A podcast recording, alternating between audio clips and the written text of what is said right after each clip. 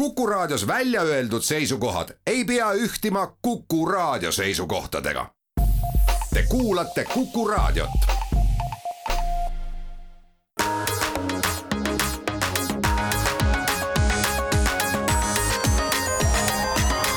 digitund tere hommikust, head Kuku raadio kuulajad, on esmaspäev, kahekümne kaheksas november ja Digitund alustab. stuudios on Mait Tafenau, Indrek Vaheoja ja Andrus Raudsalu. Ja ennem kui me läheme möödunud nädala digiuudiste kokkuvõtteid tegema, siis äh, oleme siin ühe piduliku sündmuse tähistamiseks kutsunud stuudiosse äh, meie bossi Priit Vare, äh, kellega me räägime siis sellest asjast, mis võiks täna juhtuda. Ja nimelt on siis teema selles, et Eesti riik on käivitanud siis digitaalse raadioedastusteenuse ehk enamus inimesi teab seda DAB-i nime all. kindlasti paljudel on autoraadio küljes selline väikene sildikene, mis ütleb, et see töötab ka DAB-i vastuvõtjana. ja senini siis noh, puhttehnilistel põhjustel Eestis ei ole võimalik olnud sellist raadioedastust kuulata, aga äh, kõik andmed näitavad, et täna võiks olla siis see pidulik hetk, millal see esimene äh, saatja Eestis sisse lülitatakse, see saatja on Tallinna teletornis ja hakkab siis levima esialgu Tallinnas ja selle lähiümbruses. vastab tõele kõik, jah nii, aga Priit, räägi võib-olla mõne sõnaga läheda, lähemalt, et mis asi see ikkagi see DAB või digitaalne raadio on? noh, me oleme kõik harjunud siis äh, FM-iga, mis äh, läks käima kuskil kolmekümnendatel ja on siiamaani edasi tiksunud suuremate eh, muutusteta, aga tegelikult on siis olemas juba aastaid ka digitaalraadio ametlik standard Euroopas, selle asja nimi ongi siis TAB pluss ja see ongi see, mida nüüd siis hakatakse lõpuks ka Eestis katsetama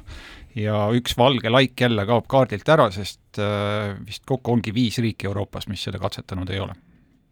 Meie, meie nende seas. me oleme viimane siis, viimane digi, digitiiger siis äh, aga miks, miks see nii on, et, et, et kas, kas see tuleneb kuidagi Eesti väiksusest või sellest, et meil justkui nagu polnudki seda vaja või, või mis see põhjus siin ega on? keegi vist väga ei tundnud huvi ka, jah. see digiraadio katsetamine on äh, Rahvusringhäälingu arengukavva küll sisse kirjutatud, aga noh, kiire nagu polnud kellelgi ja siis äh, kui nüüd duomeedia kui, kui meediaorganisatsioon hakkas selle vastu äh, huvi tundma siin kuskil aasta aega tagasi,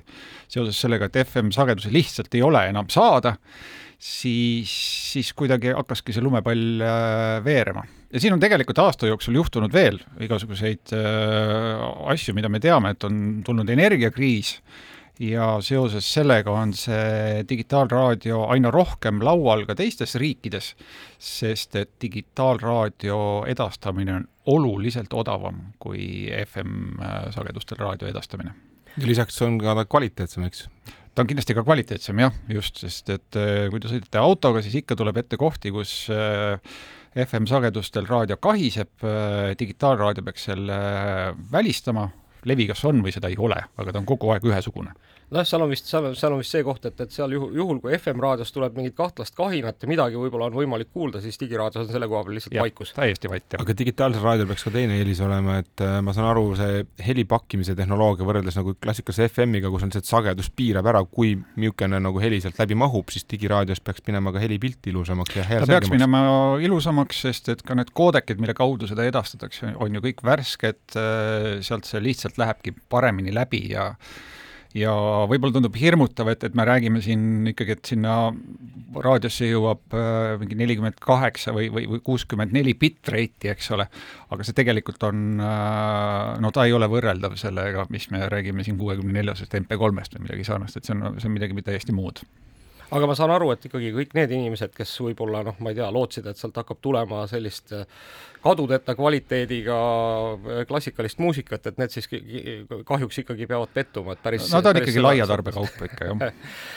raadiokuulaja Indrek Nõmmelt tahab teada, et mis nüüd juhtub minu olemasolevate seadmetega ja kuidas ma edaspidi raadiot kuulata saan, et kui ma olen harjunud Kukust uudiseid kuulama, et mis must saab? no tegelikult praegu ikkagi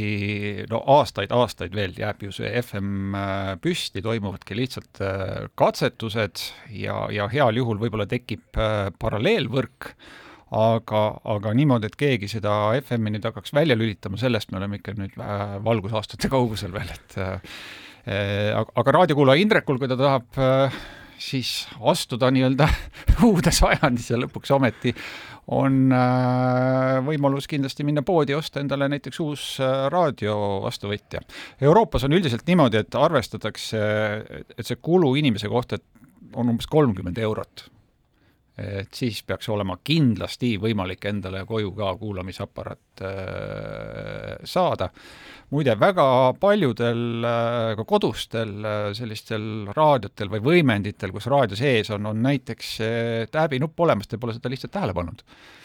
mm. -hmm. et tasub üle vaadata. otsima minema. aga mis saab, kui ei ole, mis ma siis teen? siis on võimalik muretseda ka adaptereid mis äh, selle võimaluse tekitavad, või siis äh, tõesti vaadata, vaadata ringi, ma usun, et nii, kui see info nüüd levima hakkab, siis ka meie kaubandusketid on nii-öelda valmis kohe tellima mingisuguseid äh, köögiraadio stiilis siis pisikesi ja suhteliselt odava hinnaklassiga vastuvõtjaid, mille saab endale koju soetada kusjuures mina käisin äh, suvel automatkal Norras ja seal noh, teatavasti Norra on üks esimesi riike, mis sellele digitaalsele raadiole üle läks juba. ja läks, ja läks siis umbes, nii, et nüüd FM-i seal enam ei ole? jah, vist umbes kümme aastat tagasi juba ja, ja seal on praktiliselt igas bensujaamas võimalik osta siis selline pisikene, noh umbes ma ei tea, viisteist kuni kolmkümmend eurot maksev adapter, mis siis ühendub kas sinu autoraadioga kas üle Bluetoothi või siis läbi siis äh, sellesama nii-öelda muusikajuhtme pistiku ja mis siis äh, võimaldab ka digitaalset raadiot vastu võtta, noh ma arvan, et seal on täpselt see, noh sellepärast nad ongi müügil, et nad arvestavad, et sinna tuleb kõvasti turiste, kes noh, pruugivad, ei pruugi omada oma autos digitaalset raadiot, kes tulevad mõnest sellisest Euroopa riigist, kus seda veel ei ole ja ja, ja tõepoolest noh, ma usun, et needsamad äh, tooted siis leiavad ka Eesti kauban-, kaubandusse oma tee. Äh, jaa, ma arvan, et noh, tõesti, isegi tänu sellele saatele me siin ilmselt hakkame kohe päringuid saama, et et, et, äh, et kas me võime endale juba tellida midagi, et nii, aga, aga, aga noh, ma, nagu ma aru saan, siis see ikkagi, see, need päringud puudutavad täna ainult Tallinna inimesi, et ütle, Priit, kas, kas on infot ka selle kohta, et noh, millal näiteks seesama digitaalne raadio võiks jõuda Tartusse, ma ei tea, Tallinn-Tartu maanteele, Tallinn-Pärnu maanteele, peamistele trassidele ja nii edasi äh,? Siis see esimene vastuvõtja, mis loodetavasti täna või no vähemasti sellel nädalal nii-öelda käima läheb, äh, on tõesti Tallinnas, siis lisanduvad siia Tallinna ümbrusse veel kaks saatjat, ehk siis saab testima hakata, kuidas nad omavahel nii-öelda kokku mängivad, kui hästi mängivad, kui suureks see levi siis tegelikult osutub. et noh, ei saa välistada, et, et kui kõik läheb hästi, meil siin mägesid ei ole, eks ole, et, et saabki juba Äh, kui need kaks ka kohe siin nüüd veel selle aasta jooksul või, või järgmise aasta alguses käima saab, et see levi ulatubki sinna Paideni näiteks mööda Tartu maanteed sõites ja nii see hakkab nii-öelda edasi minema, sest äh, Levira, kes seda siis praegu korraldab, äh, paneb need saatjad ikkagi püsti sellisena, et et neid ei korjataks pärast maha, vaid nendest võikski hakata siis see võrk nii-öelda levima järjest kuule, aga sa alustasid niisugusest punktist, et äh, FM-il ei ole ruumi uute jaamade jaoks, kas digitaalraadiotel, kui palju sinna üldse neid jaamasid oluliselt rohkem, sest sisuliselt äh, ühe, ühele sagedusele saab äh, panna mängima viisteist kuni kakskümmend raadiojaama. nii palju neid sagedusi on? Eestile on neid mõned eraldatud, nii et sisuliselt Eesti raadiod mahuvad ära kõik. jaa, ilusti ja jääb ruumi ülegi uuteks ideedeks, mis ongi tegelikult Tääbi üks suuremaid eeliseid mujal maailmas, nagu on tagantjärgi välja tulnud, et äh, et seesama Norra võtame, seal on äh, siis üks äh, raadiojaamade kett, mis FM-i ajal tegutses ühe üleriigilise raadioga, täna on neil kaheksa mm. -hmm. puhtalt tänu sellele, et tulid ideed ja saab neid katsetada ja, ja väga lahedaid raadiojaamu on on siis Euroopas tekkinud, mis ongi nii-öelda puhtalt ainult Tabis kuidas me Soome ja nende piirialaste nagu probleemidega, et ma saan aru, et FM-sagedusega meil on ka see mure, et, et Soome ja. peab nii palju sisse, tänu sellele neid sagedusi veel ekstra vähe, eks no jaa, me peame läbi rääkima ju kõik sagedused äh, nii soomlastega, lätlastega ja ka Venemaaga. nii et noh, see on, see on ikkagi väga keeruline protsess kõik. Et see on noh, näiteks ongi see, et me peame arvestama ka Lätiga, mis tähendabki automaatselt seda, et, et, et näiteks Pärnus on suhteliselt nagu võimatu mingisugust uut sagedust leida okei okay,, aga, aga mitte Taabile, eks on ju? aga mitte Taabile, jah. just, just kuule, aga, aga see on äh, suurepärane uudis, et äh, ikkagi Eestis nüüd siis tõenäoliselt hakkab tulema ka uusi ägedaid raadiojaamu ja võib-olla ka niisuguseid siis nišidele suunatud raadiojaamu, et äh, vaata, niširaadiojaamad saavad suure leviku, see on nagu põhiniši, niisuguseid internetiraadiojaamu saab ju praegu ka teha nii palju, kui nagu torust tuleb, on ju. aga lihtsalt see, et noh, see pikk plaan on ikkagi see, et sa saad seda oma lemmikjaama sama hästi kui Tallinnas kuulata ka Hiiumaal okei okay,, kuulge, aga selle suurepärase uudisega on meil ilmselt põhjust minna siit reklaamipausile, aitäh sulle, Priit, et äh, tulid ja valgustasid meid siis äh, sellest ägedast asjast, mis täna peaks käivituma.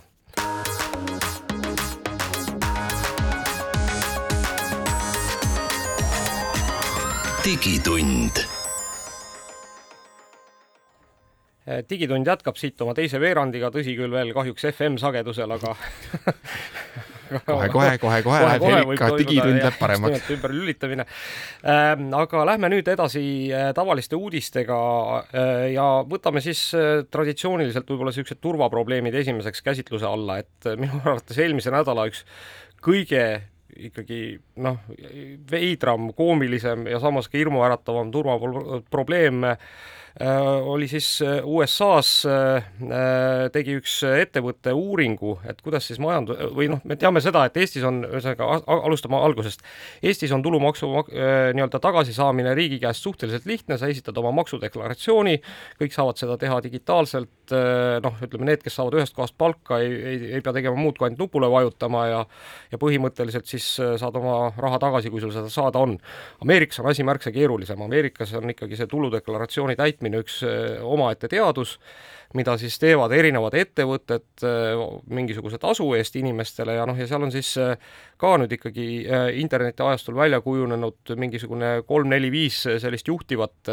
teenuspakkujat, noh, kes ütleme, et võimaldavad noh, mõnes mõttes teha siis sedasama, mida Eestis inimesed saavad teha noh, nii-öelda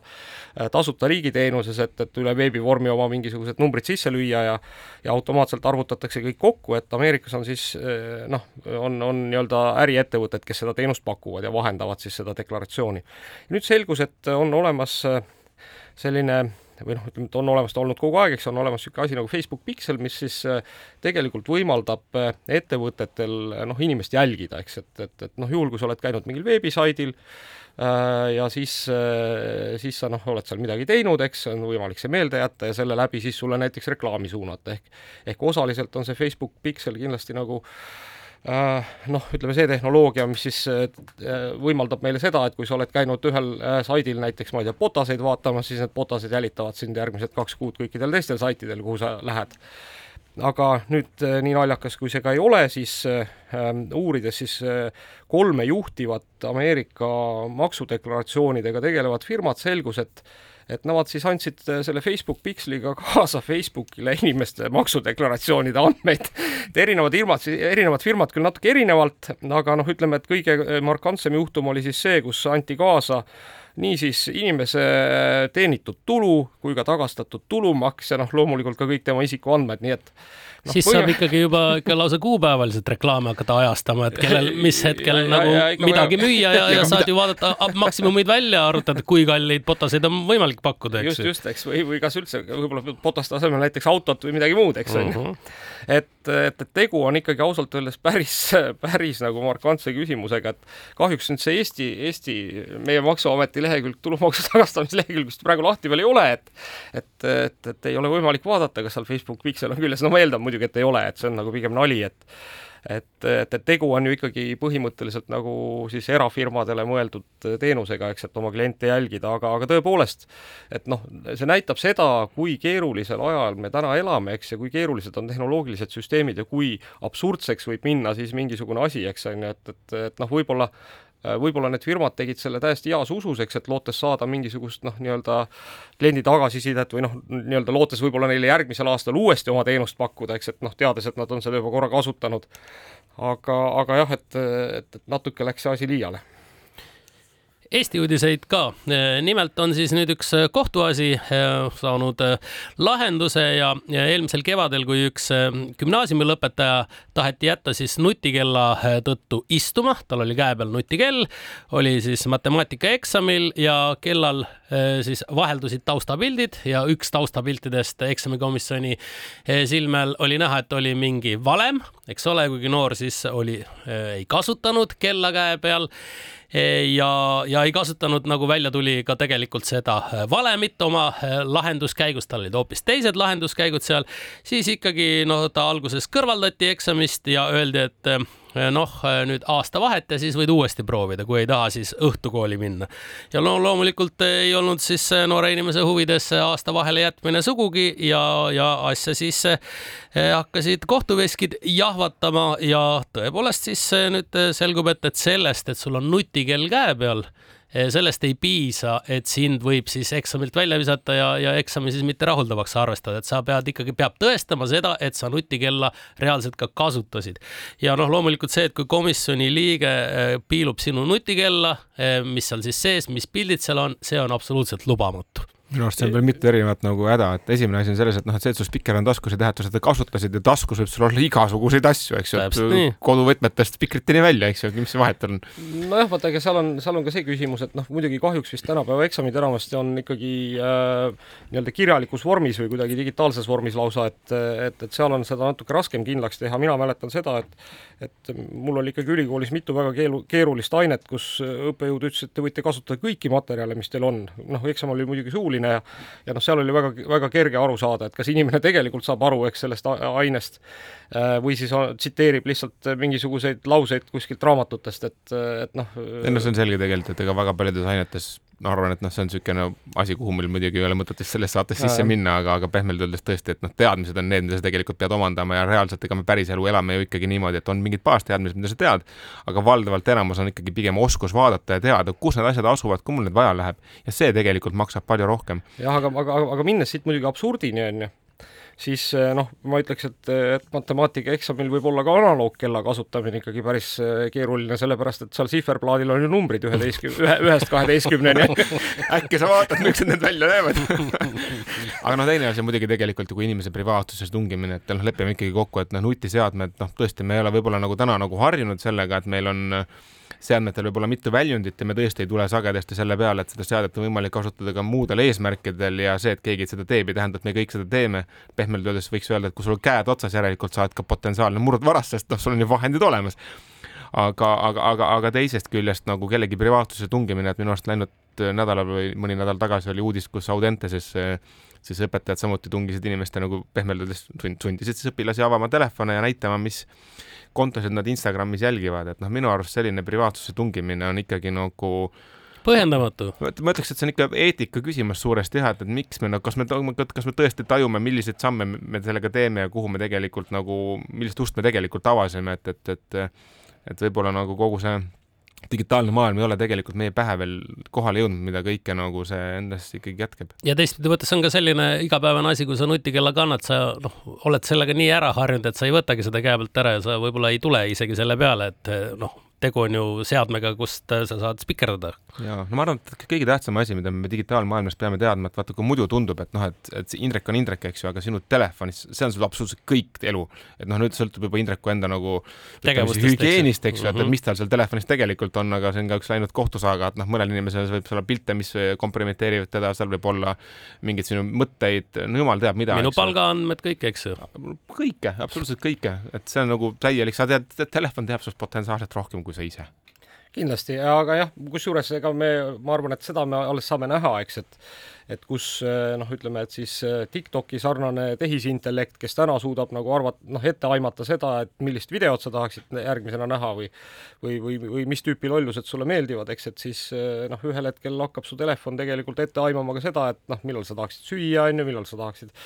noh, ma ei tea, võib-olla soovitab sul midagi teha. või taksot tellida või mida iganes. võib-olla ühel hetkel soovitab nagu ametikohta vahetada et sa oleksid nagu rõõmsam või, või mhm. teeniksid rohkem või ma ei tea, eks mis iganes, et, et, et see, see, seda kõike me veel tõenäoliselt saame näha, et koos oma peaga mõtlema eriti ei pea. aga ma ütleks selle eelmise teema lõpuks ühe olulise asja, et kui keegi tunneb kunagi nagu, et, et, et telefon näiteks nagu seal eksamikomisjonis keegi, et, et noh, et võtad selle kella siis ära, kui see nagu juhtum on juba olnud, et noh, see on sellel, tollel hetkel hea reegel et noh, saad aru tagantjärgi nagu tegelikult mängureegleid ei muudeta, et noh, sa teed siuksed reeglid selgeks juba nagu loengu alguses või eksami alguses, mitte et ma poole eksami peal otsustan, oot-oot, kõik kellel nutikellad, disklahv, minge minema, et see on nagu see no, ei ole enam päris see. mina, ma jõuan ikkagi tagasi sinnani, et, et, et tegelikult me peaksime oma selle teadmiste kontrolli mehhanismi lihtsalt ka radikaalselt ümber mõtlema tänapäeva maailma valguses. kui me nüüd mõtleme, et, et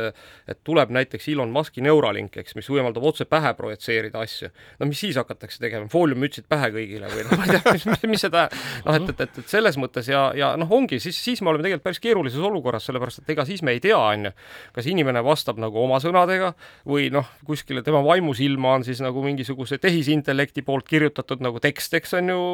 projitseeritud, mida ta ette loeb, noh, pagan seda teab, on ju. ja mingist hetkest me võib-olla ka mingeid nutiprille ei erista tavalistest prillidest, eks ju, väljanägemise põhjal, noh. võib-olla ja võib-olla sellel ei olegi siis tollel hetkel enam tähtsust, on ju, just. aga siit muuseas ühe asja tahaks veel ära õiendada, et, et me siin äh, rääkisime mingil hetkel äh, noh, just mis puudutab akadeemilist maailma, rääkisime siis äh, Facebooki või noh, Meta, vabandust, poolt siis arendatavast tehisintellektist nimega Galactica, mis väidetavalt siis äh, oli võimeline koostama teaduslikke tekste, äh, noh, kuni selleni, et neid võiks lausa teaduslikes ajakirjades avaldada ja äh, kolm ta, päeva. ta ongi võimeline, ta ongi võimeline koostama teaduslikke tekste, ainult et äh, need äh, faktid, mida seal presenteeritakse, ei kannata absoluutselt mitte mingisugust kriitikat ja on isegi lausa väärad. kuigi seesama ai võib näiteks omistada need tekstid mingitele täiesti reaalsetele olemasolevatele teadlastele, noh, keda siis no tulevikus hakatakse kellel viitama ja, ja nii edasi, aga, aga see valeinfo on seal ikkagi väga hästi esitatud, ta on noh, tundub väga selliselt korrektselt esitatud nii edasi, aga noh, kui neid fakte kontrollima hakati, siis selgus, et, et seal aeti ikkagi täie, täielikku jama. nii et kolm päeva sai see üleval olla ja siis ikkagi teadlased pistsid kõik kisama ja, ja, ja Meta koristas selle ära, aga noh, ega mis seal salata, et, et nüüd on, see on, see on selles mõttes meile hea õppetund, et et tegu on ikkagi nagu noh, kõik nii nagu kõik teised need äh, suured keeletehnoloogial põhinevad tehisintellektid, eks, mis noh, mida on õpetatud lihtsalt niimoodi, et nad on noh, noh, piltlikult öeldes lugenud läbi, eks, miljoneid ja miljoneid lehekülgi teksti ja siis noh, oma peas loonud selle teksti vahel mingisuguseid seoseid et ega nad tegelikult ju aru ei saa, eks, et seal ei ole tegu mingisuguse nagu mõtlemisvõimega, et seal on lihtsalt tegu sellega, et ta suudab panna erinevaid sõnasid ritta noh, mingisuguse loogika põhjal, kuna ta teab, et noh, et need sõnad tavaliselt sellises järjestuses tekstides esinevad. kuna analüüsi tehakse päris äh, tugevalt, eks ju. ma arvan, et see on see koht, kus peaks ütlema, et hea on ikkagi kasutada neid asju selle jaoks, mille jaoks nad on võimelised, et kui nüüd meta siseneb pehmelt öeldes nagu niisuguse pseudoteaduse maailma, eks ju, siis sellest midagi head ei saa sündida. Ei no aga mina arvan ikkagi, et ma jätkuvalt olen sellel seisukohal, et näiteks need Aivo Vaske tehtud katsetused tehisintellektiga, kus ta siin kuskil jaanuarikuus, mida me ka tsiteerisime saates, lasi siis kirjutada parteiprogramme, et noh, et ja selleks sobib, ja muud, eks. selleks sobib tehisintellekt päris hästi. kindlasti ja mingisuguseks äh, hulluks teooriaks ka, aga mu, muuseas, muuseas, äh, natuke ka PÖFFi uudiseid, et lihtsalt rääkisin PÖFFil ühe produtsendiga, kes viitas mulle siis ühte filmi, mis oli tehtud siis nii, et tehisintellekt oli kirjutanud stsenaariumi ja seal olid, aga noh, mängufilm, lühifilm, kus on siis päris näitlejad ja see, seda selles mõttes päris naljakas vaadata, et, et see noh, et kõik on nagu justkui nagu päris, ainult et jutust ei saa mitte midagi aru, see on täiesti seosetu, mida nad räägivad omavahel et on niisugune katsetus ka tehtud, et äh, päris naljakas. aga lähme siitkohalt nüüd reklaamipausile ja oleme juba varsti tagasi.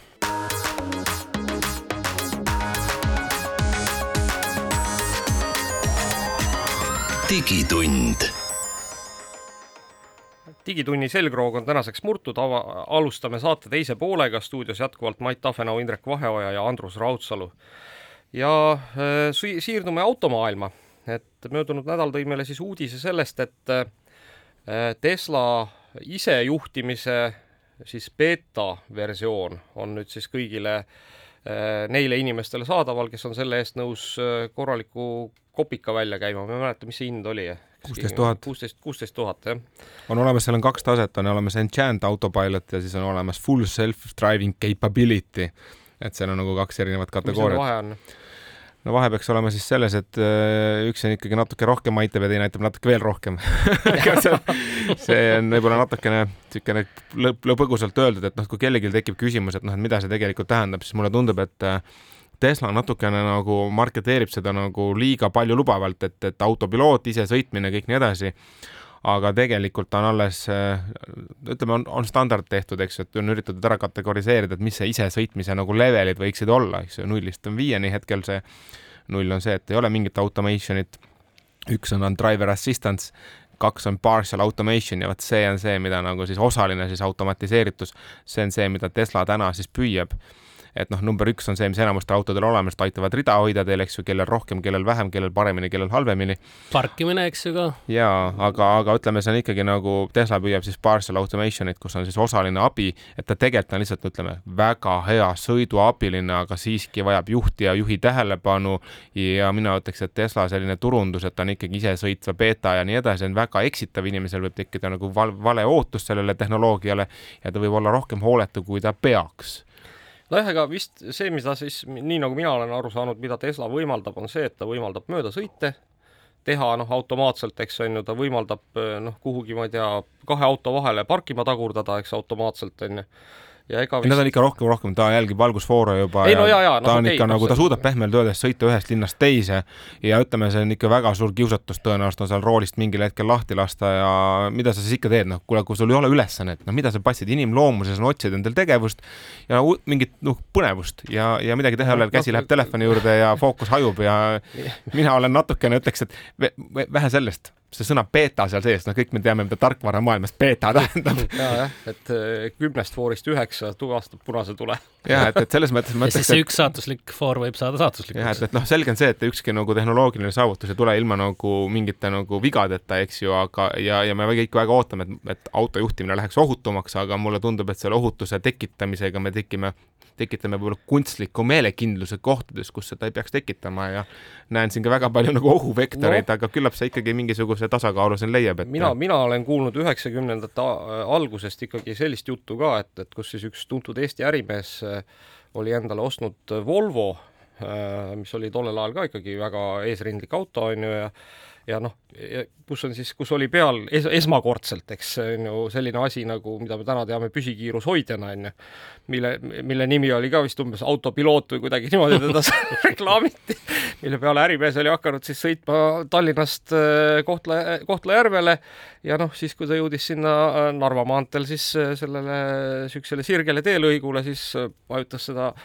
niinimetatud autopiloodi luppu ja läks siis tahaistmele ajalehte lugema noh, ütleme, et see Volvo äh, Volvo läks vanarauaks äri, ärimees õnneks pääses. nii et, äh, nii et noh, ega, ega ma arvan, et, et, et siin tulebki olla mõistlik, eks. see ongi see, see ongi see raskem küsimus, et noh, mis see mõistlik on, kui sa reklaamid välja ikkagi nii julge loosungiga, siis mina ütlen, et see on natuke kuritegelik, sellepärast et inimesel tekib petlik lootus, me ei jõua kõik lugeda maailma kõiki asju. sa ostad asja, seal on pealkirjas autopiloot järelikult sõidab ise, eks. nojah, aga, aga mul on, mul on, mul on ikkagi, mul on ikkagi selline tunne, et, et täna vist on see nii, et, et ta vist hakkab ikkagi sinu peale karjuma, on ju, kui sa käed roolist lahti lased. no see on terve internet on täis pildikesi, et kuule, pane apelsin sinna rooli külge, et see auto juhib paremini, noh, ja, ja pehmelt öeldes nagu lollitatakse need süsteemid nagu nii labaselt ja, ja, ja noh no igal juhul peavad äh, sellisel autol olema väga head äh, kaamerapesurid, äh, nii edasi, sest et ütleme niimoodi, et meie tingimustes sellise lögaga nagu praegu on, ma tahan, noh, kohe ikkagi tekib küsimus, et no mismoodi, et kuidas ta näitab, mul parkimiskaamera läheb poriseks, juba on raske. Jaa, aga no kui me nüüd räägime üldiselt nendest isesõitvatest autodest, siis äh, siis üks äh, päris äh, põnev ikkagi uudis, mis möödunud nädalal äh, ka jõudis siis laiemalt avalikkuse ette, mida siis ka kõvasti lahati, on see, et Playstation saab endale uue lisanduse. Jah, Honda elektriauto. Sa tahadki enda Playstationi külge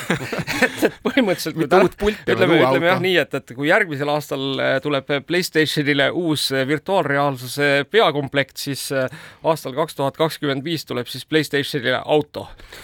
jah, no kui siin üks uudis on ju veel ka selle kohta, et eh, no ma ei tea, järgmist Playstationit lubati kahe tuhande kahekümne kuuendaks aastaks. kakskümmend kaheksa. kakskümmend kaheksa, vabandust, jah. et noh, ega siis on ju arusaadav, et eh, vahepeal läheb nii palju aega ära sellega, et eh, Playstation siis auto peab valmis auto külge, auto külge panna, jah, aga Sony ja Honda koostöös siis tuleviku masinal peaks Playstation viis siis küljes olema ja noh, eks seesama jutt, mis me siin ennem rääkisime, et, et kui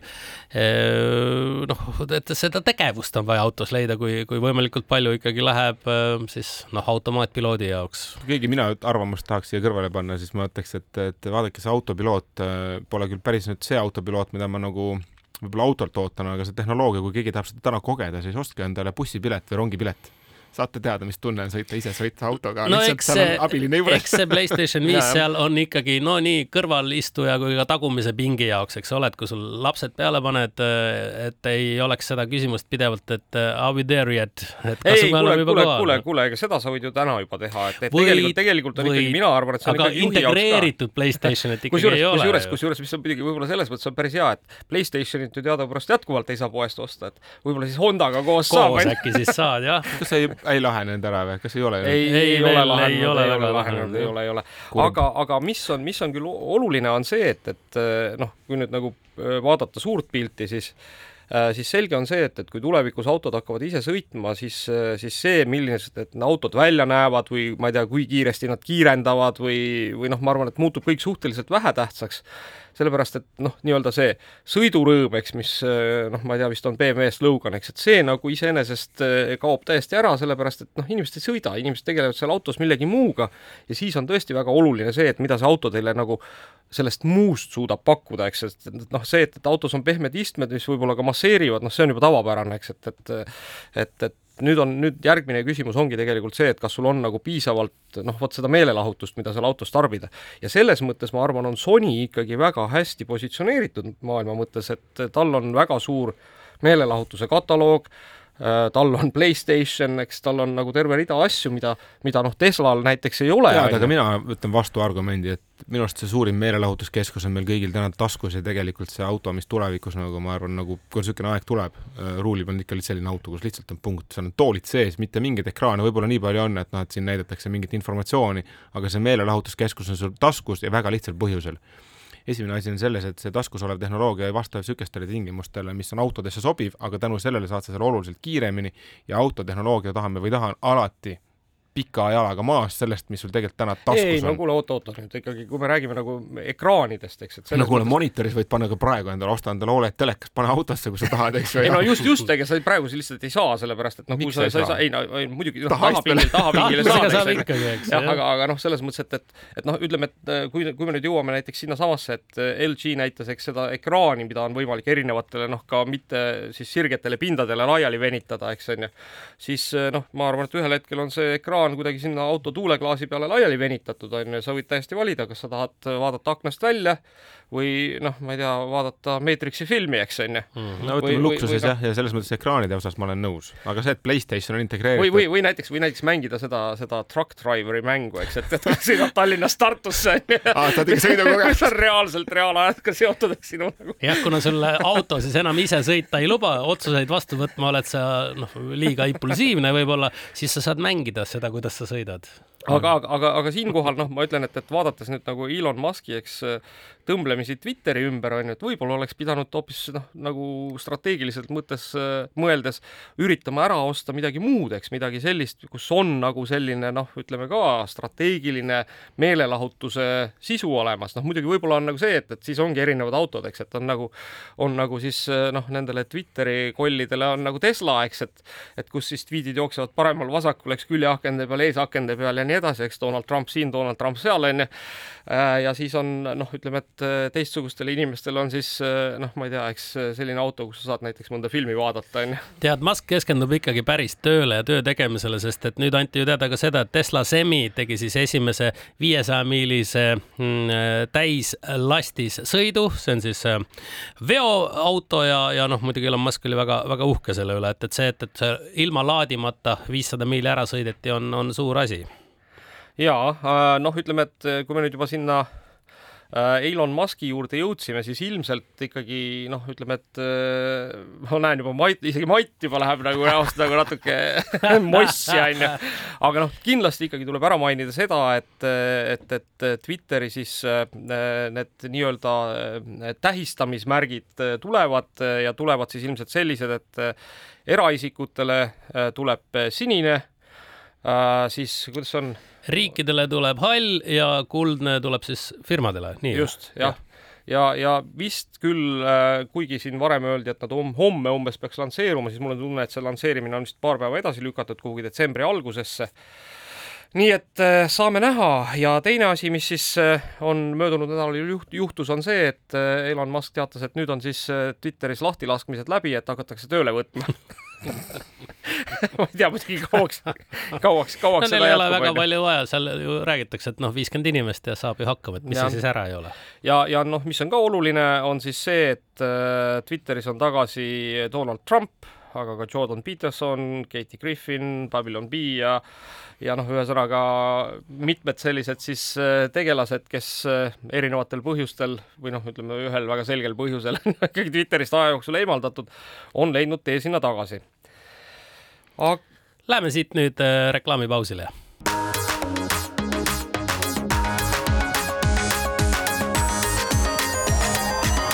Digitund digitunni viimane veerand on teiega, stuudios on Mait Tahvenau, Indrek Vaheoja ja Andrus Raudsalu. ja kui me rääkisime siin äh, erinevatest uuendustest automaailmas, siis äh, noh, mõned neist on positiivsed, mõned mitte nii väga. me oleme siin rääkinud sellest, et kuidas äh, BMW müüs siis tellimusepõhist istmesoojendust, mida siis kuust kuusse sai tellida seal on teatav loogika olemas, et talvekuudel tellin, suvekuudel ei telli, eks aga nüüd on siis äh, tulnud ka Mersusse siis selline huvitav uuendus, et, et, et siis äh, nende äh, EQ seeria elektrisedaanidele on siis võimalik tuhande kaheksasaja dollari eest aastas tellida parem kiirendus. Mis, mis lisab siis nullist sajani kiirendusele umbes ühe, õigemini siis mitte ei lisa, vaid lahutab sellest ühe sekundi ja noh, põhimõtteliselt siis äh, kui tahad niisugust äh, paugupilli, siis pead iga kaheteist kuu tagant maksma tuhat kakssada dollarit. kas see info on ka olemas, et kui kiiresti see rakendub, et selles mõttes, kui ma nagu möödakäigu, möödasõidu pealt tellin, et siis, sest mulle tundub, et nüüd jääb väheks, et ma tellin kiirelt juurde. mine tea, vist, vist, vist, vist veel nii ei ole, aga jah. ma kusjuures ei, ei välista, vaata mm, -hmm. ei mhm, välista seda, mhm. et, et tulevikus ikkagi, kui autos on ka piisav tehisintellekt, noh, kes aimab juba ette, mis sa hakkad tegema, onju. teeb sulle juba pakkumise pakkumise. teeb sulle pakkumise jah, et kuule, et järgmised, järgmist möödasõitu tahad teha. ja, jah, et sinu, sinu ees on kolonn kahekümne autoga, kas maksa, soovid nüüd kiirenduspaketti tõsta? maksa kolmekas mm. -hmm, mm -hmm. kui kolonnist mööduda tahad või siis venid siin ja närvid on mustad aga see pay as you go nagu lähenemine ehk siis maksa nagu tellimuse pealt juurde ja saa midagi rohkem, ei ole mitte ainult autotootjatel nagu südamel, et see on naljakas, aga Inteli siis ametlik teade on, on see, et, et ka mingitel protsessoritel tekib siis võimalus osta teatud funktsionaalsust juurde, et et noh, need enamus võib-olla nagu tavainimest võib-olla nagu hetkel võib-olla nii palju ei mõjuta, rohkem niisugust serveri tehnoloogiat, aga pehmelt öeldes tõesti nagu noh, see on niisugused asjad, mida me ei ole oodanud riistvara tootjalt, et ma ostan endale protsessori ja siis ma saan ka mingid jupid ette, et noh, et kui palju neid nagu lisateenuseid ma siis oma asjadele pean täna juurde hakkama ostma, et et niisugune nagu maksimaliseerimine. ma, ma arvan, ma arvan, et ma arvan, et tulevikus on üldse see, et sa saad lihtsalt nagu, saabub sulle koju nagu noh, mingisugune niisugune noh, ma ei tea, must kast, eks on ju, mille küljes on noh, ma ei tea, pistikuaugud on ju ja siis, siis kõigepealt maksad selle eest, et pistikuaugud sisse lülituksid, on ju siis, siis noh, erinevad, nii palju kui vaja on, on ju, siis maksad selle eest, et noh, et ma ei tea, et seal hakkaks protsessor tööle, on ju, siis maksad selle eest, et noh, et, et ta graafikavõimsus vastaks siis noh, kas kõige vägevamale mängukaardile või siis hoopis nagu näiteks mingile muule asjale. võib-olla on ka see, et saad maksta niimoodi, et, et noh, ma tahan kolm tundi päevas mängida, ülejäänud aja teen Excelis tööd, on ju, et noh, et siis äh, ainult kolme tunni eest päevas maksad seda graafikavõimsust, on ju, ja siis ülejäänud ajaks lülitatakse see tagasi. noh, ütleme niimoodi, et see nagu sellest saab uus normaalsus, tahame või ei taha, see tundub hästi ebamugav, aga, aga noh, ütleme ka päriselust paralleele tuues, et ma mäletan ka aastakümneid tagasi üks peokorraldaja rääkis, et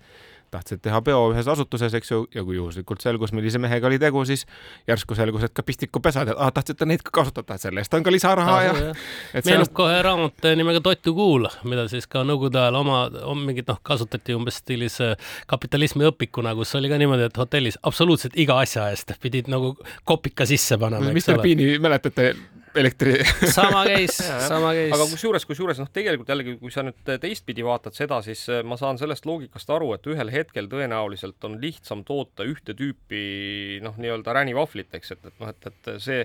noh, protsessor või mis iganes sul sealt tuleb, eks on ju, sa tegelikult toodad teda ühel moel, on ju noh, okei okay,, et täna võib-olla need eh, keerukamad protsessorid on noh, suuremad, eks need noh, selle tõttu on tootmine kallim ja nii edasi, aga noh, kui see kuidagi ära optimeerub, eks siis, siis, siis võib täiesti vabalt juhtuda see, et sul on lihtsam toota ühte tüüpi nii-öelda noh, protsessorit, nimetame teda siis protsessoriks, eks, kus tõepoolest siis vastavalt sellele, kui palju sa selle eest maksad, on võimalik sisse lülitada erinevaid funktsioone, sellepärast et kui me vaatame, mis on Apple teinud, eks Apple toodab oma kiipe ja noh, tegelikult noh, noh, miks, eks tuli nagu iPadi M2 protsessor, ma arvan, mitte, mitte üldse sellepärast, et, et Apple õudselt, et Apple õudselt muretseb selle pärast, et iPadi kasutajatel on noh, nagu väga kehv, eks, ja nad ei suuda tööd nii kiiresti teha, kui nad tahavad. ma arvan, et palju liht-, Apple'il lihtsalt muutus elu noh, sada korda lihtsamaks, et peavad laoseisu hoidma nagu ühele protsessorile põhimõtteliselt, eks, mis läheb neil kõikidesse asja, ma ei imestaks, kui ühel hetkel tuleb ka iPhone'i M-protsessor, on ju. sellepärast, et, et noh, siis läheb veel lihtsamaks, siis noh, põhimõtteliselt planeeridki ainult ühe protsessori koguseid, eks, ja toodad seda nii palju, kui torust tuleb, on ju. eeldusel, et selle protsessori tootmine on piisavalt odav, eks ju. jah, ja noh, ja võib-olla ongi nii, et noh, et, et selles M, M, noh, mis iganes protsessor siis on, on ju, M Universal on ju, et selles, et selles siis noh, äh, sõltuvalt sellest, et millise emaplaadi peale ta nagu joodetakse, siis lülitatakse sisse teatavad funktsioonid või välja, eks, aga, aga sisuliselt on tegu ühe ja sama asjaga. nii et ühesõnaga, harjuge uue tulevikuga, kõik teenused tuleb osta nii, et saate kogu aeg midagi jälle juurde osta sinna jaa, aga, aga ma arvan, et ma tahaks mängumaailmast ka ühe nüüd nagu toreda uudise, mis on siis neile, kes on noh, maksavad kuutasu sellisele ettevõttele nagu Steam ja nimelt on siis Ubisoft teada andnud, et äh, kui kaks tuhat üheksateist nad ütlesid, et Steam'i ärimudel on nendele täiesti vastuvõtmatu, et sealt peab siis kolmkümmend protsenti erinevateks tasudeks ära no,. nii, nii, nii nagu ka Apple'ile. ja just nimelt, eks ole, teistele samamoodi. siis nüüd on teada antud siis seda, et Ubisoft ikkagi roomab vaikselt Steam'i tagasi ja on tulekul siis sellise mänguga mm, nagu Assassin's Creed Valhalla ja seda vist Assassin's Creed'is, noh, seda siis, kusjuures kõik varasemad Assassin's Creed'i, Creed'i osad on ju Steamil olemas. ja siis alates Valhallast nad enam ei pannud ühtegi, noh, siis oligi see hetk, kus nad ütlesid, et nüüd Steam nüüd on õige vereimeja, on ju, ja rohkem me sinna midagi ei pane. ja, ja, ja siis minu teada vist oli läbi kas Electronic Artsi siis selle samasuguse tellimussüsteemi oli võimalik seda Assassin's Creed'i mängida, noh, iseenesest äh, tõesti, noh, Steam'i kasutajatele, mina näiteks äh, Steam Decki peal loodan nüüd, et ma saan mängida Assassin's Creed Valhallat äh, ja tulevad paar teist olulist mängu ka veel, et, et, et nii, et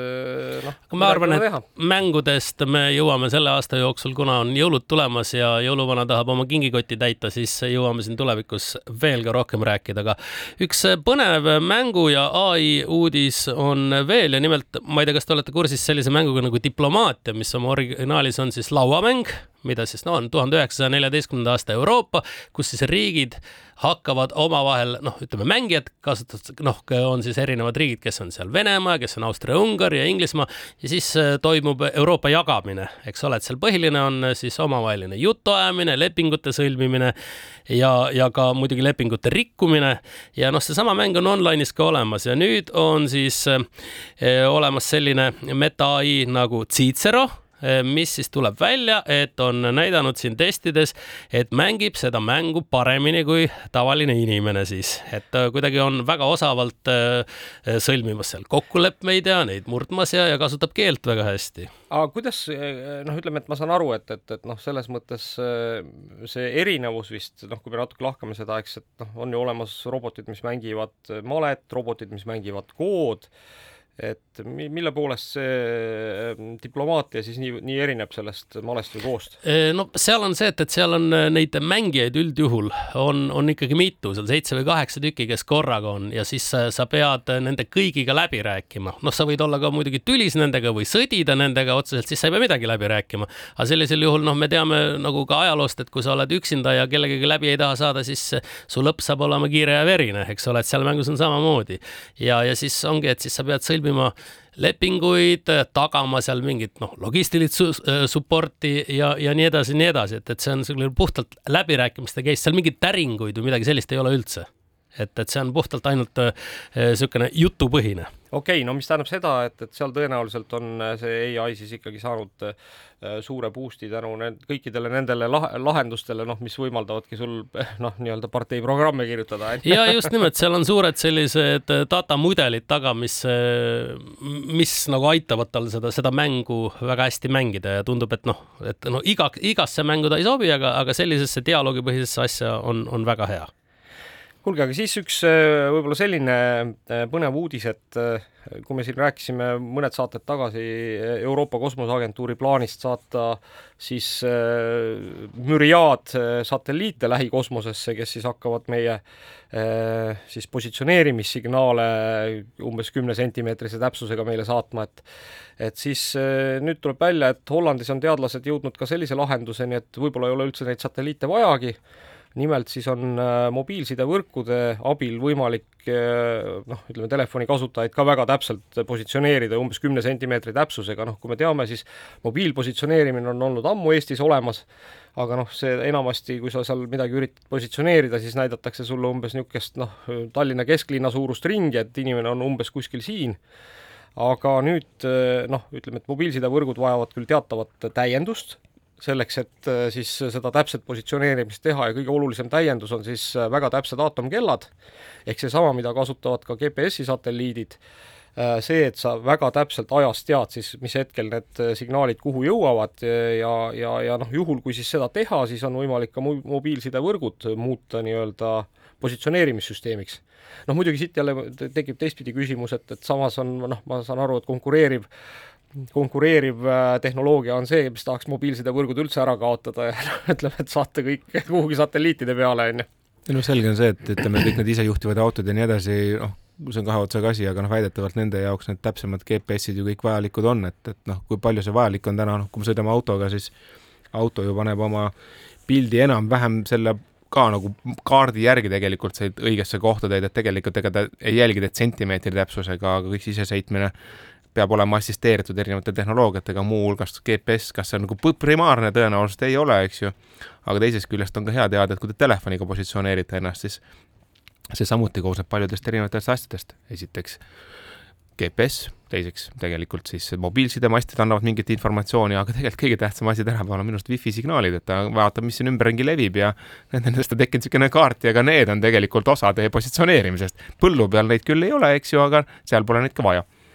jaa, aga siitkohalt vist on meil mõistlik tõmmata saatele joon alla, sest meie aeg hakkab läbi saama ja kõikide oma kuulajatega kohtume juba nädala pärast.